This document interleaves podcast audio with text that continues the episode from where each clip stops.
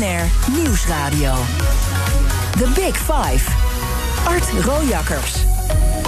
Goedemorgen, welkom bij BNR's Big Five van de generatiekloof. Fijn dat je luistert. Babyboomers, generatie X, millennials. Bij welke groep je hoort lijkt voor een groot deel te bepalen... hoe je in het maatschappelijke debat staat. Van pensioenen tot klimaat, van Zwarte Piet tot corona. Wat kenmerkt de verschillende generaties? Waar schuurt het? Waar vinden ze elkaar? Daarover gaat het deze week in de Big Five van de generatie Kloof. Gisteren hoorde je Rutger Koopmans... die onderzoek heeft gedaan naar generatie X en vooral millennials. Vandaag is hier René Boender. Hij is brain agent auteur van drie boeken over generatie Z. Geboren tussen 1995 en 2013. Goedemorgen. Goedemorgen, Art. Om te beginnen, wat is een brain agent? Dat is iemand uh, die zijn hersenen uitleent aan anderen... om sneller, betere beslissingen te laten nemen. Ja, die heb je al vaker gezegd, die zin. Nee, hij komt er zo uit. In één keer rolt hij eruit. Ja. Nou, goed. En je als hersenen leen je uit om te praten over generatie Z deze ochtend. Daar gaan we het over hebben. Dat zijn de pubers van nu. En die generatie die is anders dan de generaties boven hen. Ben je van overtuigd? Zou, zou je ze eens kunnen typeren? Heel generaliseren natuurlijk. Je generaliseert altijd. Eigenlijk had je mij niet moeten hebben en ook niet Rutger. En zeker ook niet de baas uh, van de Partij van de Toekomst. Je had eigenlijk Fleur van Duinen hier moeten hebben of uh, Daan Beuzenberg. Je moet namelijk niet over ze praten, maar met ze praten. En dan kom je erachter dat zij zo in het nu staan en in de toekomst. En dat zij zoveel oplossingen hebben voor ons. dat we het leven een stuk leuker en beter kunnen maken dan wat het nu is. Alle hoop gevestigd op generatie Z. Nou, ik zou, uh, en dat geef ik ook vaak aan bestuursvoorzitters... Uh, nodig ze maar uit bij je in de boardroom. Ga maar eens een uurtje met ze praten. Dan moet je eens kijken wat voor ideeën ze geven aan jou. En dat is waarschijnlijk beter dan dat je een MBA op Harvard gaat halen. En waar zit hem dat in? Op het oplossingsgerichte, omdat ze namelijk in het nu staan en ze kijken naar de toekomst in plaats van wat millennials en andere groepen van ons hadden die vaak achterom keken. Dus wat er is allemaal in het verleden gebeurd. Nou, ik heb een verrassing voor je. Het wordt nooit meer zoals het in het verleden was. Het gaat worden zoals het nu is en in de toekomst gaat worden. Als zij het verleden zouden kunnen beïnvloeden, dan zouden ze aan die knoppen draaien voor de fouten die wij hebben gemaakt. Dat kan helaas niet. Dus ze gaan alleen maar aan de knoppen draaien waar ze wel invloed op hebben. En dat is de toekomstige knop. Maar laten we eens wat kenmerken aflopen van de generatie Z, van die pubers van nu. Wat, wat kenmerkt, zeg maar, in algemene zin die, die generatie Z? Nou, het eerste is uh, dat uh, techniek een onderdeel uh, van hun leven is. Of IT of social media, hoe je het ook wil noemen. We hadden het er net al eventjes over. toen wij klein waren en jij ging naar de kleurentelevisie toe van je ouders, kreeg je al een tik op je vingers. Want daar mocht je niet aankomen. Want die box die was alleen maar van papa uh, die hem aan mocht zetten. Nu, als jouw kinderen jengelen op de achterbank van je ouder, dan geef je je iPad of je iPhone. En ze weten feilloos te vinden wat ze weten, wat ze nodig hebben op dat moment. En als jij iets niet snapt, dan zeg nou kom maar papa, ik zal het eventjes voor je opzoeken. Dat werkt zo en zo.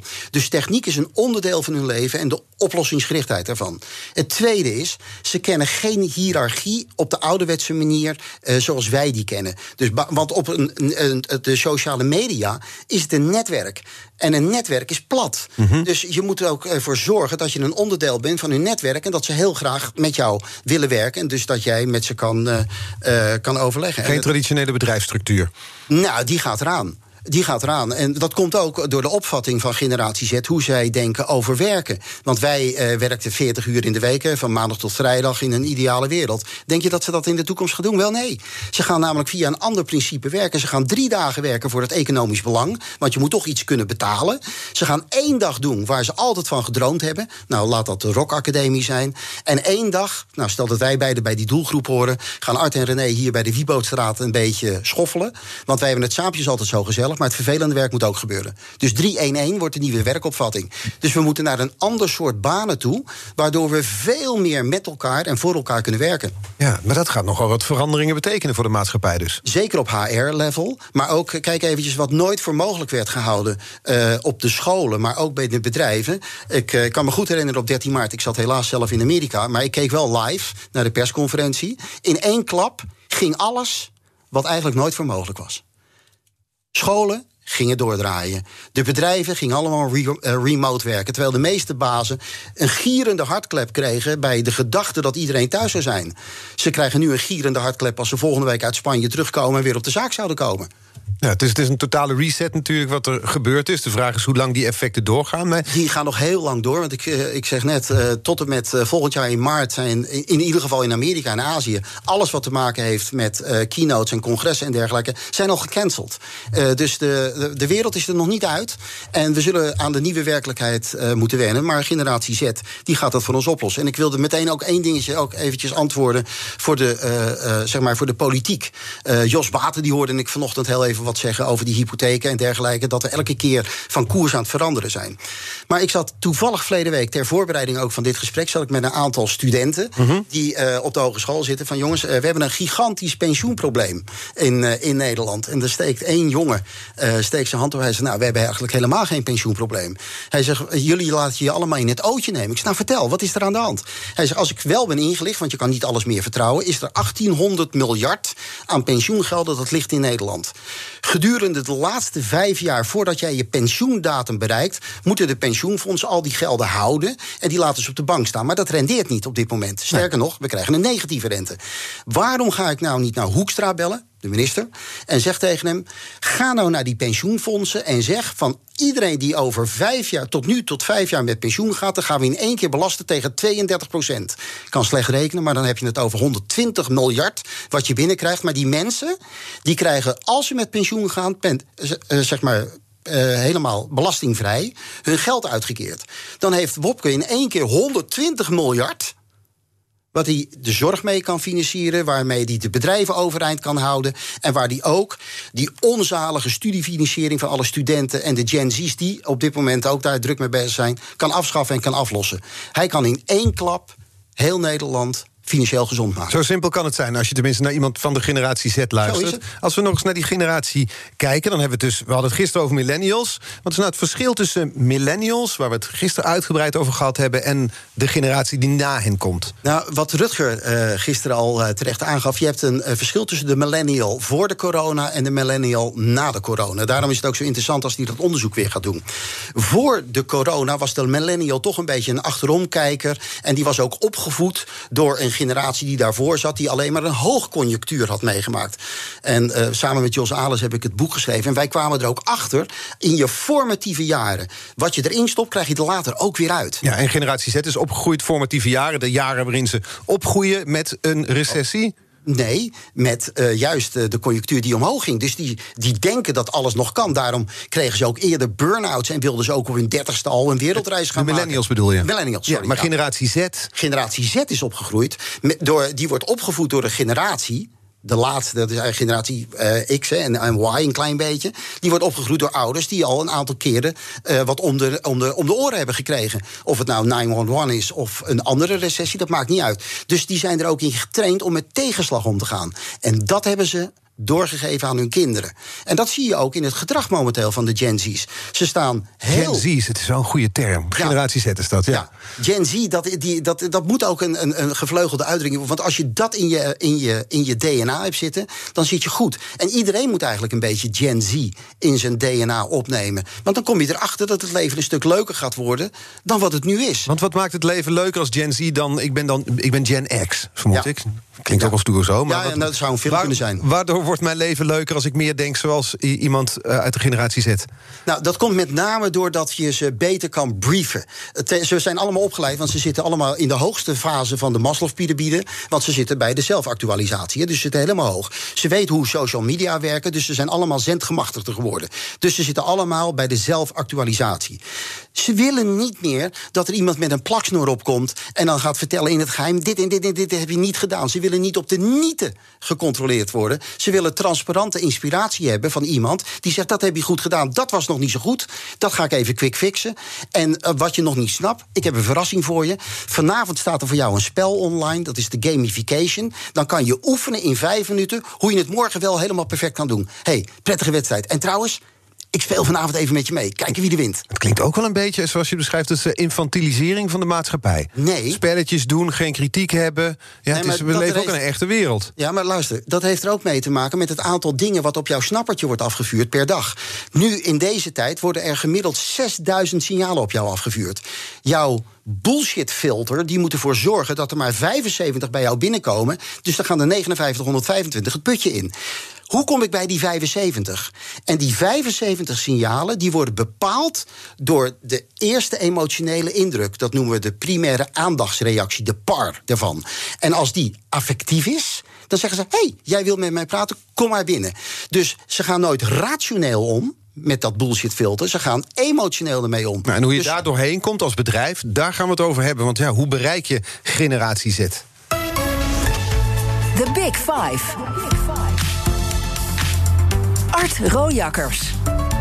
Ja, deze week vijf kopstukken over de generatiekloof. Vandaag mijn gast brain agent René Boender, auteur van drie boeken over de generatie Z, geboren tussen 1995 en 2013. Heeft er ook onderzoek naar gedaan. Misschien wel, ik denk wel duizenden van die generatie gesproken. Ja, nou, nou, duizenden. Het loopt al in de, in de honderdduizenden. Want eh, Jos en ik. opscheppen hier? Nee, nee, nee, nee, nee. Het is allemaal traceerbaar. Want Ja? wij zijn zo transparant als de pest. Dat moet wel met deze generatie. Eh, het eerste boek wat eh, Jos en ik schreven. Ja, want je schreef de boeken samen met Jo- dokter Jos Ja, want dan heb je het ook wetenschappelijk uit onderbouwen. En dan weet je ook dat het, eh, dat het deugt. Hè?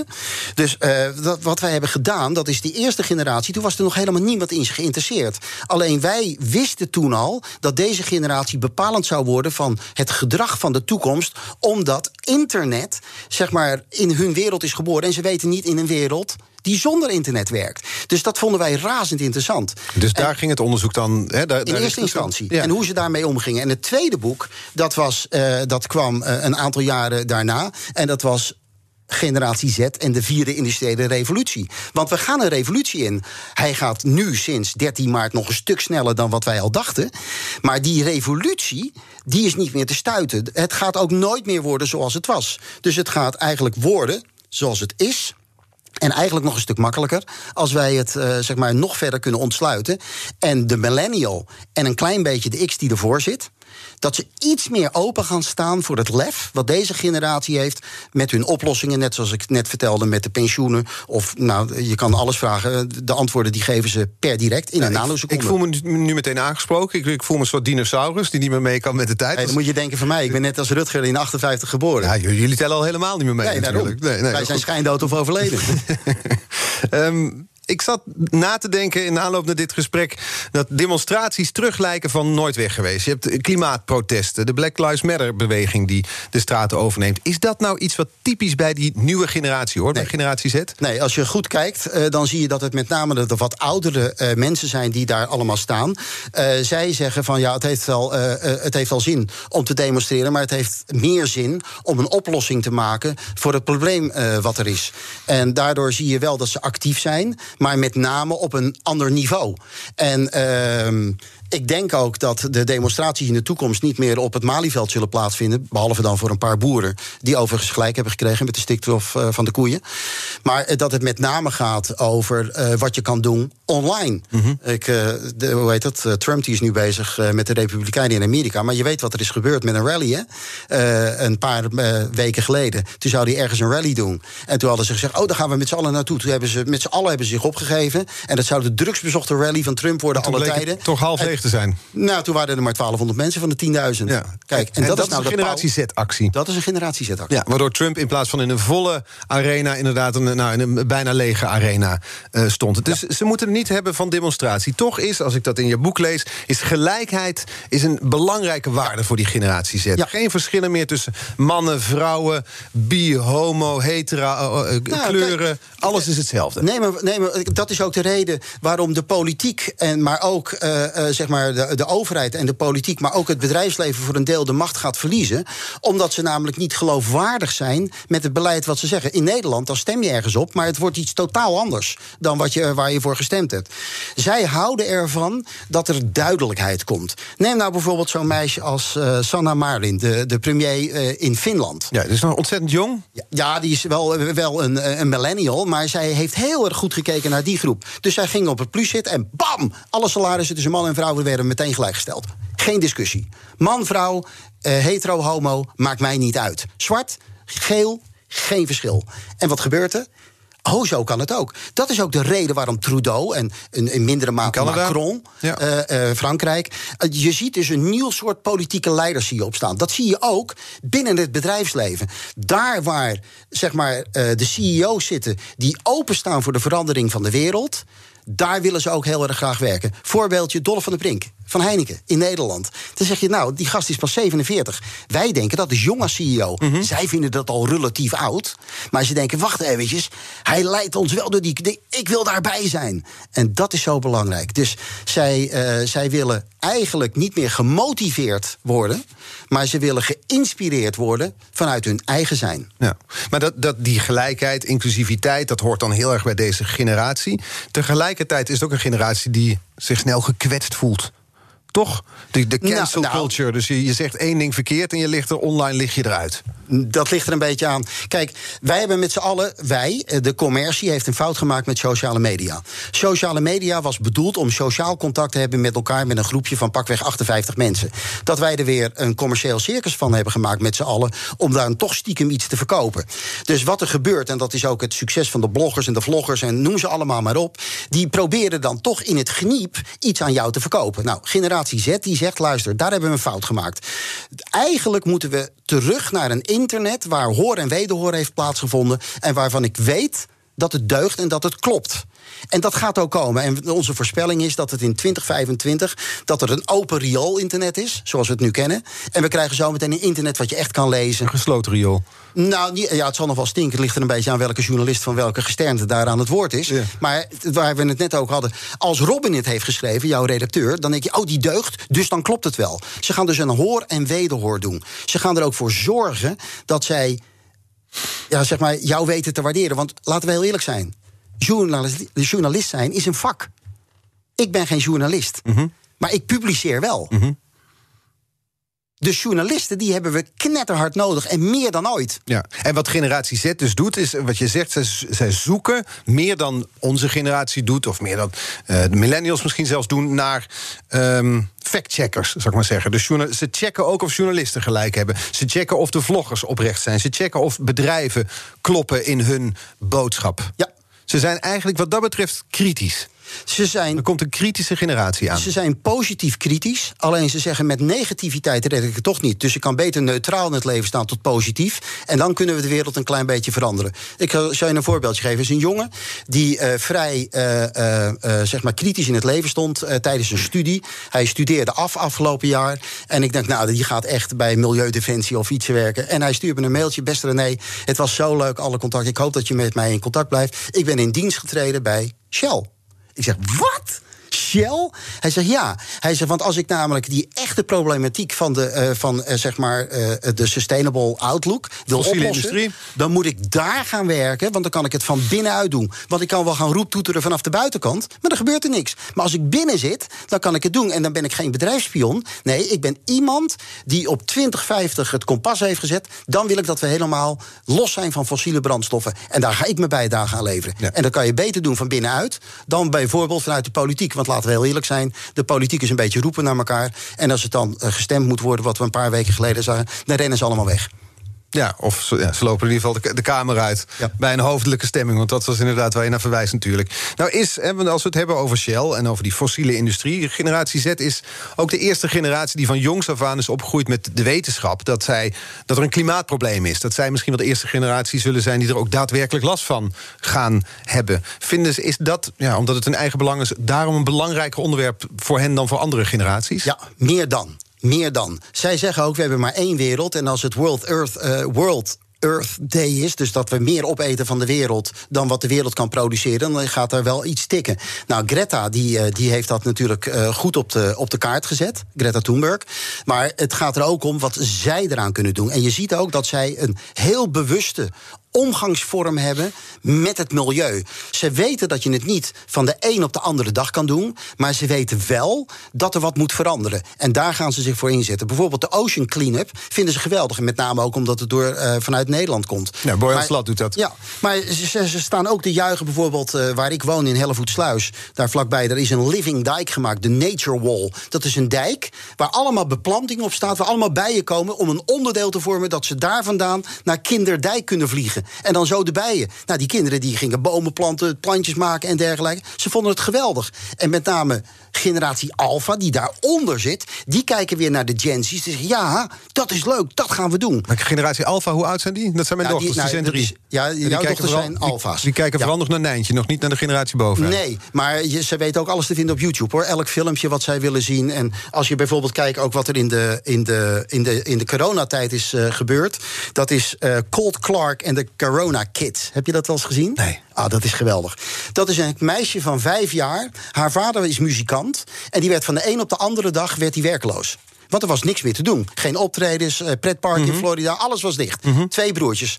Hij speelt werkelijk alles. Dus wat heeft hij gedaan? Elke dag maakt hij een opname samen met zijn drie kinderen. één op de gitaar, één op de drummer. En de kleinste van vijf jaar zou een beetje jouw dochter kunnen zijn. Kan alleen nog maar dansen en Ja. moves maken. En elke dag releasen ze een plaat. Eerste dag 130 eh, kijkers. Tweede dag 4000. Vijfde dag 150.000. En zo ging het. Ja, daar ging En toen ging Ellen DeGeneres ermee aan de haal. En Ja. de, de best bekeken film die staat geloof ik nu op 2 miljoen. En hoe wat- heette ze, zei je?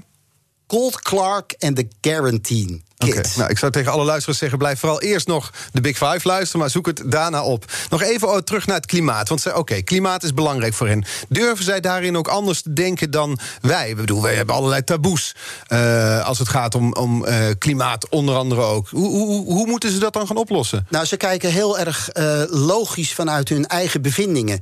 En daar zit een omgekeerd leiderschap in. Als zij erachter komen dat je als je één dag minder vlees eet, dat dat zoveel water scheelt, dat het heel logisch wordt dat je tegen papa of mama zegt: Nou, laten we vandaag maar een keertje wat anders eten. Dus die Meatless Monday, nou, die komt er gewoon.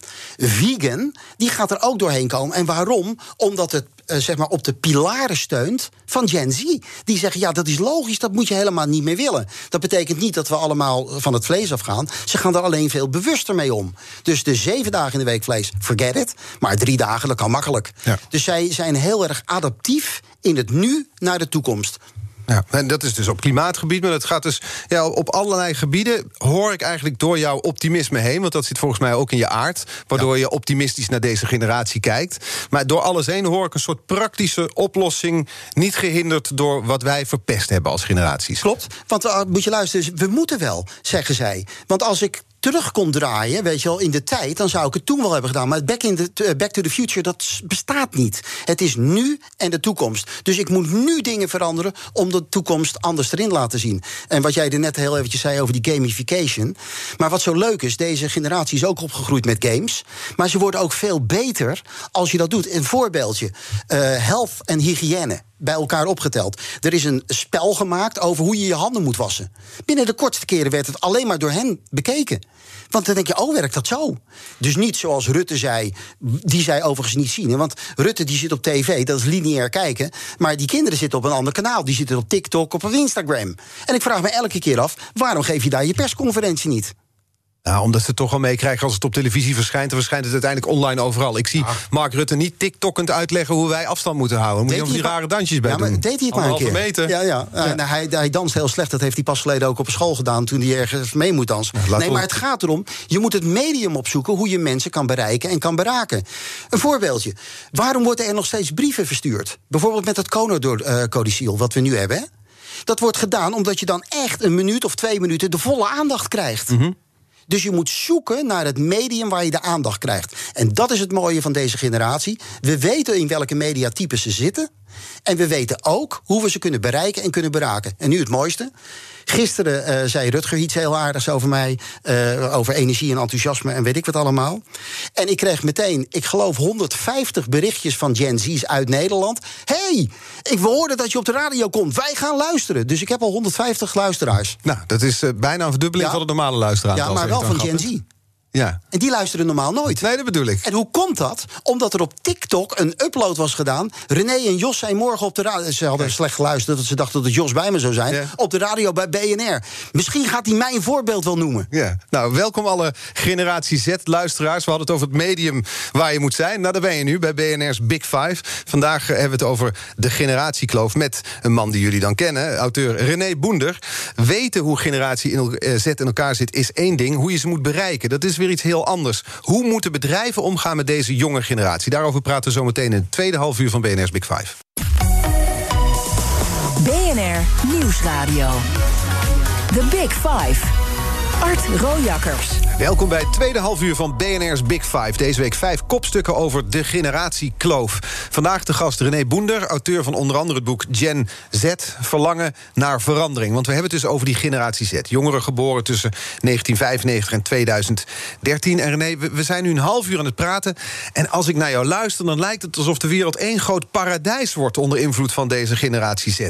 Nou, zeker als we naar ze luisteren en ze ook gaan doen wat zij aan ze voorstellen. Het is learning by doing. Ze hebben niet de wijsheid in pacht, maar ze hebben wel een idee wat het kan worden. Maar wat zijn dus, de minder mooie kanten van deze generatie? Nou, die hebben ze eigenlijk niet, behalve dan dat, er een. Het zijn ook mensen. Nee, luister. De, het, natuurlijk zijn het mensen. Het, het, minder mooie is dat als zij uh, zo nu dan de neiging hebben om uh, te willen chillen en lui willen zijn. Omdat uh, de, werk, de werkmoraal anders in elkaar zit dan bij zeg maar, de babyboomers en dergelijke. En daar irriteren ze zich ook allemaal zo aan. Dat die generatie boven hen zo hard werken. Ja.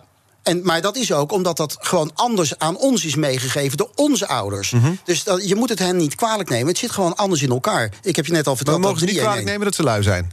Nou, ik, ze willen chillen en ze willen ook eventjes uh, iets anders doen. Ja, dat wil ik, was ik ook wel. Week, ja, nou ja. Maar ik was van de week met Fleur van Duin op pad... en we moesten een uh, vlog ergens maken. En ze zei, nou, nu gaan we eerst even chillen. En nee, gaan we lekker ergens een broodje eten. En wat dacht jij toen? Ik zei, nou, ik ga een broodje eten. Ze zei, ja, nee, maar dat noemen we chillen. Oh, dat dus noemen we chillen. eventjes quality tijd. Ja, ja. Maar waar, het, waar het om gaat, dat is... Maar dat, dat is het enige nadeel. Dat ze nou, wat meer tijd voor zichzelf willen. Wat meer willen chillen of luieren, nee, of hoe je het ook noemt. Er zijn, er zijn nog wel meerdere uh, nadelen. Maar dat kleeft aan iedereen een voordeel en een nadeel. Snap je, maar waar lopen zij tegenaan als, als generatie? Meestal tegen de muur uh, van de mensen... die zij graag mee willen laten veranderen... maar Mhm. er niet voor openstaan. De generaties boven hen. Ja, met name... En het gekke is, uh, bij de millennials daar zit een hurdle. Maar ook bij de generatie die daarvoor zit. Die, Een hurdle? Ja, een hurdle, een, een, tegenstand, een tegen een resistance, hoe heet dat? Een Mhm. uh, weerstand. Um, en daar, dat, dat, dat wrijft wel eens. En dat omdat zij zo'n sterk idee hebben. Dat noemen wij de return on ID's. Over hoe het ook zou kunnen. Ja. Kijk, wij zijn groot geworden met Pippi Lankhuis. Die zei toch ook van, ik heb het nog nooit gedaan... dus ik denk dat ik het wel kan? Ja, precies. Nou, dat is nou hun opvatting. Dat is dat generatie Z, maar dat, dat bestaat al heel lang, die uitspraak. Ja, Kijk, maar dat, dat is dus eigenlijk het DNA van... alleen zij doen het, daar zit het grote verschil. Wij zaten met z'n allen, en met name de millennials... met maatschappelijk verantwoord ondernemen. Precies. Weet je wat zij zeggen? Nou? Nee, het gaat om moreel verantwoord ondernemen. NVO krijgt een andere lading. En dat betekent misschien dat je economisch gezien iets minder verdient. Mhm. Maar je hebt als je ooit sterft een veel leuker leven gehad. Ja, maar tegelijkertijd kun je ook zeggen, die generatie... want eigenlijk zeg je, ja, ze, ze willen wat meer chillen... ze zijn misschien wat luier. En een andere probleem is dat ze last hebben van de generaties boven hen. Ja, om- omdat wij zijn opgevoed in het hiërarchische model. Maar door de social media, Facebook, Instagram, TikTok... die maakt geen onderscheid tussen wie of wat je bent. Behalve dan bij Maurice de Hond, hè, bij eh, Ja. LinkedIn. Maar eh, voor de rest is het een platte organisatie. Dus zij groeien op tot en met de universiteit in een platte organisatie... en dan komen ze in een piramide binnen een bedrijf. En daar gaat het dus fout. Ja, maar Daarom dus gaan ze ook zo snel weg. Maar idealiseer je deze generatie niet te veel? Want het is ook makkelijk natuurlijk om ja, ja, dit alles zomaar op ze te plakken. Zij gaan de wereld verbeteren, zij gaan het anders doen dan wij. Ja, daarmee leg je ook al een enorme druk op die jongeren. Nee. Ze mogen niet dezelfde fouten maken als wij. Nee, ze mogen dezelfde fouten maken. Maar ze doen het niet. Ze, zij denken er eventjes over na wat ze doen. Ik liet je net die piramide zien. hè. Ik mag toch Eigenlijk- ik denk ook wel eens na over wat ik doe. Jij toch ook? Nou, altijd. Dus wat is het verschil dan? Het verschil is dat zij veel meer learning by doing. Dus zij blijven bewegen. Wij hebben nog wel eens de neiging om drie maanden te gaan zitten nadenken. Zij niet. Als je in een jungle komt en je komt een leeuw tegen... Ja. dan ga je er toch ook niet mee discussiëren? Nee, dan ga je rennen. keer dat ik dat meemaakte Nee, dan ga je rennen. Ja. Nou, generatie Z die rent. ja. Die zegt, ja, en misschien maak ik een foute richting... Mhm. maar ik blijf in beweging, ik ga het oplossen. En dat is ook zo leuk voor de werkgevers van de toekomst. Die zullen ook veel meer open gaan staan voor hun ideeën. Goed voorbeeldje, hoe McDonald's momenteel met de crew omgaat. Of kijk eventjes naar Jumbo, hoe zij de mensen de briefing geven. Ze geven een briefing. Dus dat betekent dat ze voor vol worden aangezien. Dus er wordt niet een propje papier naar ze toe gegooid... van en dit is wat jij moet doen. Nee, dit is de briefing voor vandaag. Heeft iemand nog een beter idee?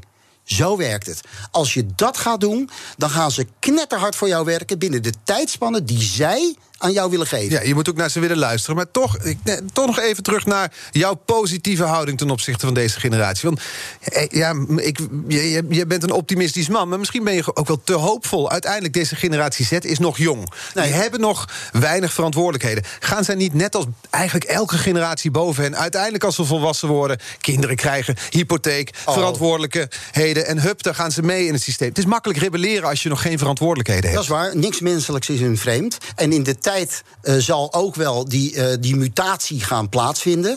Alleen wat wij op dit moment zien, en dat is ook de reden waarom ik het zo fijn vond om samen met Jos Alers dit te doen, dat we in die formatieve jaren dat DNA al hebben weten te onderzoeken, zodat we kunnen zien hoe het in de toekomst gaat worden. Dat is wat wij kunnen doen. Gaat het in de toekomst zo worden? Want in de jaren 60 was er ook een generatie die de straat op ging, willen alles anders. En 1968 was het jaar van de revolutie. Maar dat zijn die volgevreten babyboomers van nu, waar jongere generaties zo'n hekel aan hebben. Zijn de universiteiten veranderd na de protesten? Ja, maar ze zitten toch. Dat is dan oké, dat hebben ze bewerkstelligd. Oké, dus zij, iedereen die iets doet, die krijgt een reactie. Dat krijg je zo meteen bij uh, Gen Z ook. Het, het gaat er alleen om hoe je met ze praat. Wij hebben de fout om vaak, wat ik in het begin ook zei, om over ze te praten, niet met ze te praten. Nou, in de marketing zijn er vier P's, die weet je. Daar gaan we het niet over hebben. Maar je kan ook in jouw gedrag en in hoe jij praat en communiceert met mensen, heb je ook vier P's. Doe je dat als een poet, dus Doe dat nou niet, want mhm. dat werkt niet. Daar is maar 3% van Gen Z voor ontvankelijk.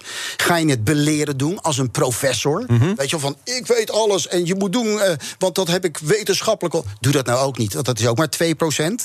Dan heb je de promotor, dat is de man die met roep toetert, een soort Trump, weet je wel. Die zegt van als je dit doet, dan gebeurt er dat werkt ook niet. Dat zien we momenteel bij de, uh, bij de Gen Z-populatie in Amerika. Maar weet je wat er werkt? De performer. En de performer, dat is degene die zegt wat hij doet.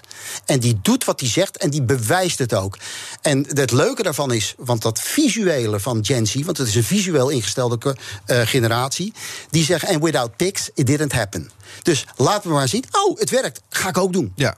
Dus eh, het is, we moeten performers worden. We moeten performers worden en we moeten ze dus niet meer motiveren, maar we moeten ze inspireren. Ja. Dat is ook bijvoorbeeld. Maar hoe doe je dat in praktische zin? Want als we bijvoorbeeld nu naar corona kijken, dan hè, er is ook veel moeite onder jongeren om zich aan coronaregels te houden. Er worden hè, ouderen zeggen dan: hou je eens even in voor ons. Maar nee, er worden gewoon feestjes georganiseerd. Ze komen bij elkaar, kruipen bij elkaar op schoten, weet ik wat.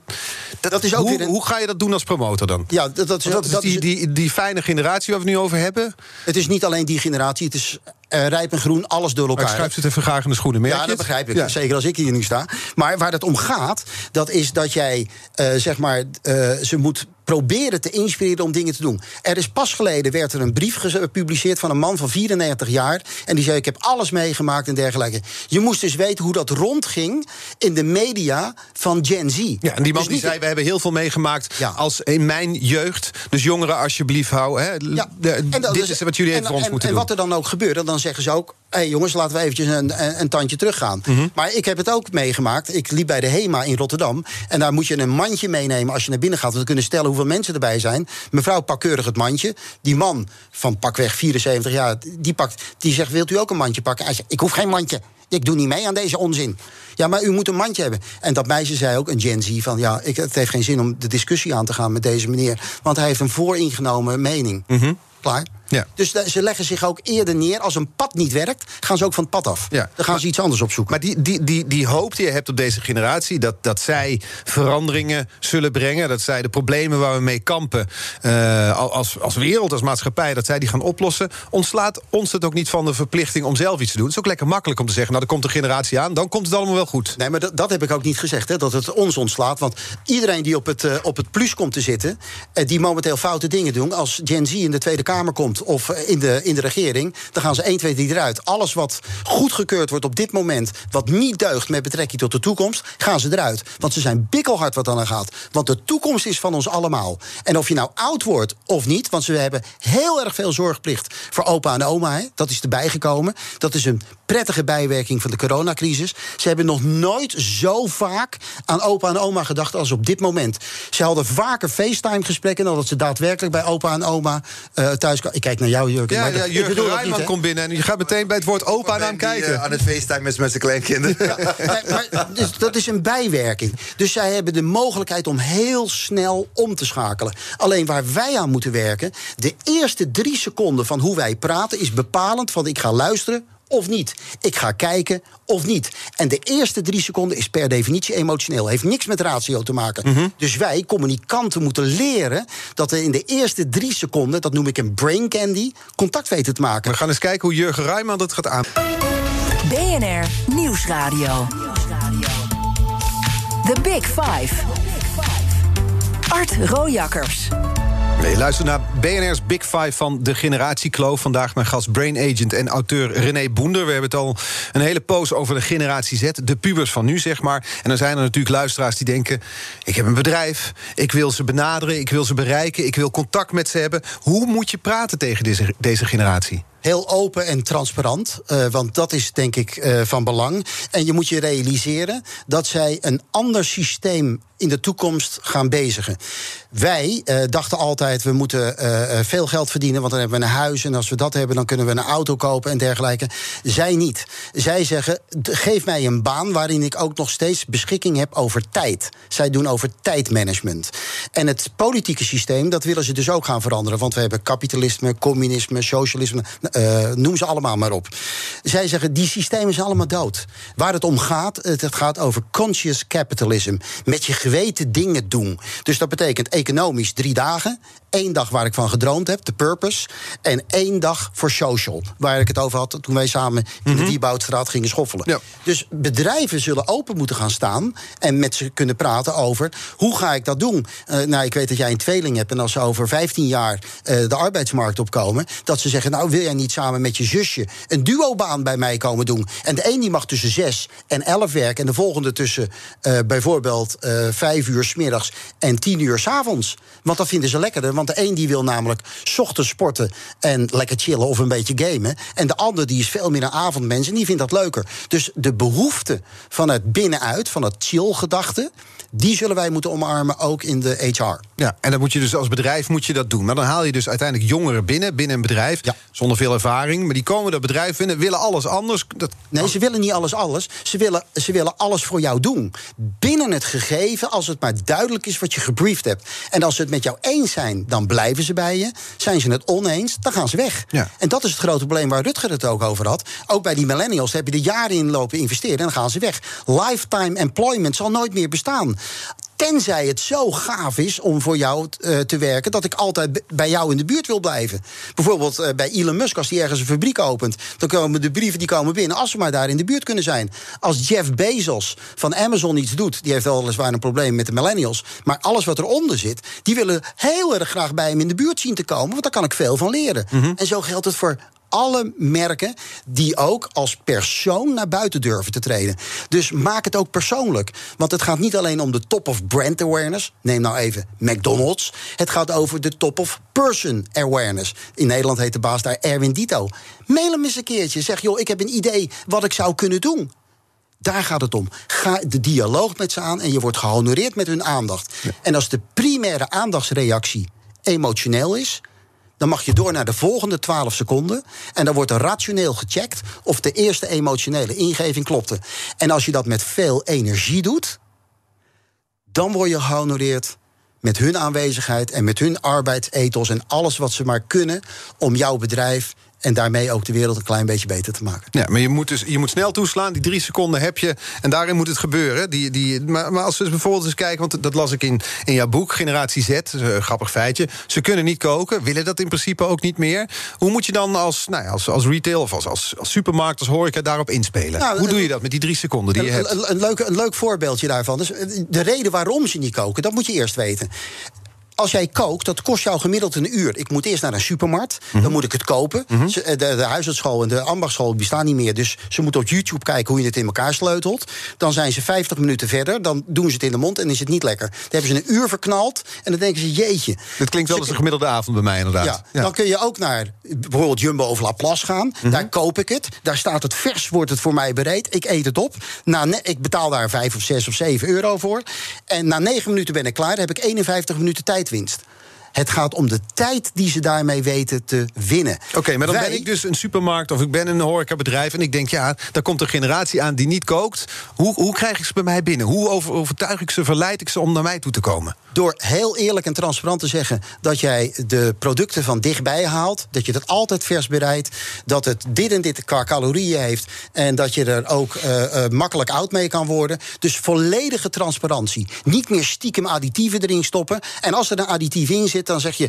En waarom deze hm, hm, hm, extra pittig? Dat komt door eh, dat we dit erin hebben gestopt. Heb je dat niet? Dan heb ik ook de pure version.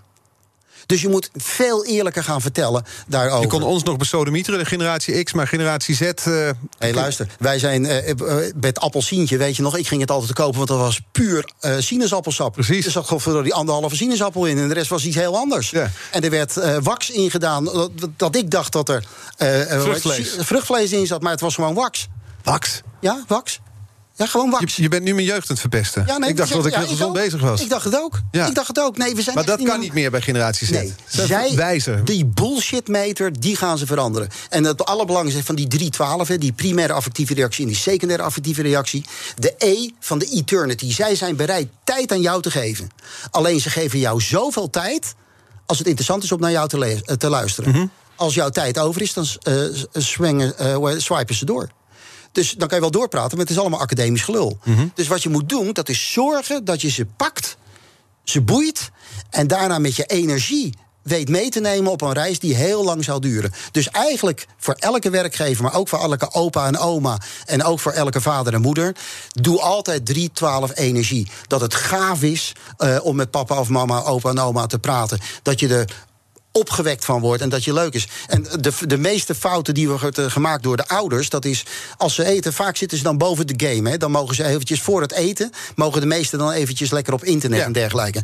Dan zeg je, eten is klaar, onder je trapgat. Doe dat nou niet meer. Wat je moet doen, dat is gewoon via TikTok of via Instagram een foto maken van dat prakkie wat klaar staat. Ja. En dat plaats je gewoon op dat spel.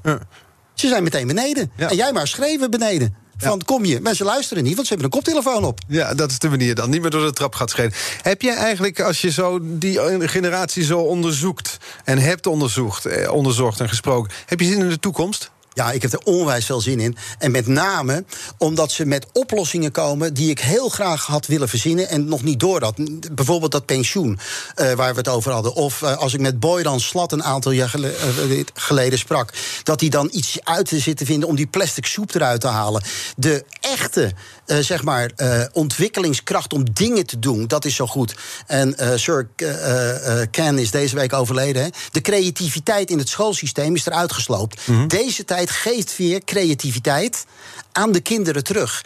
En als wij ernaar gaan luisteren, dan denk ik ook dat het een stuk leuker gaat worden dan wat wij nu hebben. Nou, je bent een optimistisch man. Eh, In deze eh, Big Five stellen gasten elkaar een vraag via de kettingvraag. Gisteren was hier, we hebben het er een paar keer over gehad, Rutger Koopmans. Die had deze vraag voor jou. Wij zijn jaargenoten, allebei van 1958. En ik ben heel erg benieuwd, René. Eh, waardoor raak jij nou geïnspireerd? Hoe komt het nou dat jij met zoveel energie en met zo'n brede lach doet wat je aan het doen bent eh, en nog zo ongelooflijk eh, actief bent? Niet alleen in het arbeidsproces, maar ook in het, in het hele denkproces. Dus ik ben stiekem heel erg even benieuwd naar jouw geheime wapen, wat jou inspireert en zoveel energie geeft. Ja. Hij zet je weg als een half bejaarde, waarbij die verbaasd is dat je toch nog veel energie hebt. Ja, we zijn, ja nou, nou, ik zelf ook wel eens hoor. Oh. Eh, dat, maar dat zeggen eh, hoe heet dat, de, de studenten op de, op de universiteit en de hogescholen ook wel eens. Ik, er is geen geheim recept. Eigenlijk wat je moet doen, dat is jezelf opnieuw uitvinden elke 10 tot 15 jaar. En als je dat doet, dan, eh, dan reïncarneer je jezelf in de volgende fase. Want als ik, ja, jij ziet me nu, maar als ik wel eens eh, met mensen aan de telefoon of ergens zit, dan zeggen ze: Mag ik wat vragen? Hoe oud bent u? Weet je, ze moeten niet meer aan jou kunnen merken hoe oud jou bent. Dus het geheime recept is jezelf opnieuw durven uitvinden. En als iets routinematig wordt, moet je ermee kappen. En dan moet je een nieuw avontuur aangaan. Ja. En als je dat gaat eh, doen, dan heb je de receptuur waardoor heel veel mensen met jou willen werken, met jou willen praten en jouw hersenen willen lenen om betere en snellere beslissingen te nemen. En als je vraagt, heb jij de wijsheid in pacht? Nee, natuurlijk niet. Net zoals Rutger die niet heeft. Maar ik weet dat de toekomst daar is. Hij kan drie graden naar links zijn of drie graden naar rechts, maar ik beweeg die kant op. Ja. En als ik daar naartoe ga, wordt de leef, ons leven een stuk leuker Ja, nou, dan wat het nu is. Dat is de punt op de horizon. Die kettingvraag die mag je ook weer stellen aan mijn gast eh, morgen. Dat is marketingstrateeg Aljen de Boer. Ehm, nou ja, wat, wat zou je hem willen vragen? Nou, Aljan, eh, de vraag die ik heb, dat is eigenlijk al helemaal opgesloten in de hele uitzending. Eh, de millennials, daar heb jij zo verschrikkelijk veel eh, verstand van. Die heb je al zo goed onderzocht. En de laatste publicaties die jij gaf, die waren zo duidend. Denk jij dat de millennials na 13 maart meer open zijn gaan staan voor de ideeën van Gen Z? Ik ben benieuwd. Morgen gaan we het antwoord horen van uh, Aljen de Boer. Want die is dan te gast hier in uh, de Big Five. Dan gaan we met hem praten. Onder andere over deze vragen. Over millennials. Over hoe bedrijven ook met hen om kunnen gaan. Over de verschillende generaties. Het komt allemaal voorbij. Die aflevering gaat morgen te horen zijn hier op uh, BNR. Alle afleveringen van Big Five zijn natuurlijk terug te luisteren. De podcast is te vinden in de BNR-app. En ook op bnr.nl. ja, dankjewel voor vandaag. Het was een enerverend uur dat we je samen beleefd hebben. Dank voor je... Heel heel graag gedaan. Ik wil nog één opmerking maken. De route voor succes voor iedereen die loopt van het hoofd naar het hart en daarna pas naar de portemonnee. Dus als je het hoofd en het hart weet te servicen, dan ga je pas geld verdienen. Dat is de 3, de 12 en de eternity. Kijk, met die wijsheid gaan we eruit. Dankjewel, René Boender. Tot uh, uh, morgen. Nu hier Jurgen Rijman met Ask Me Anything. Bij BNR ben je altijd als eerste op de hoogte van het laatste nieuws. Luister dagelijks live via internet. Jelle Maasbach. Wesley Weert. We zijn er voor je met het leukste, opvallendste, maar natuurlijk ook het belangrijkste nieuws. Tijdens de presentatie van die halfjaarcijfers toen die beurskoers in elkaar kukkelde. BNR Beurs. Voor de slimme belegger. Blijf scherp en mis niets.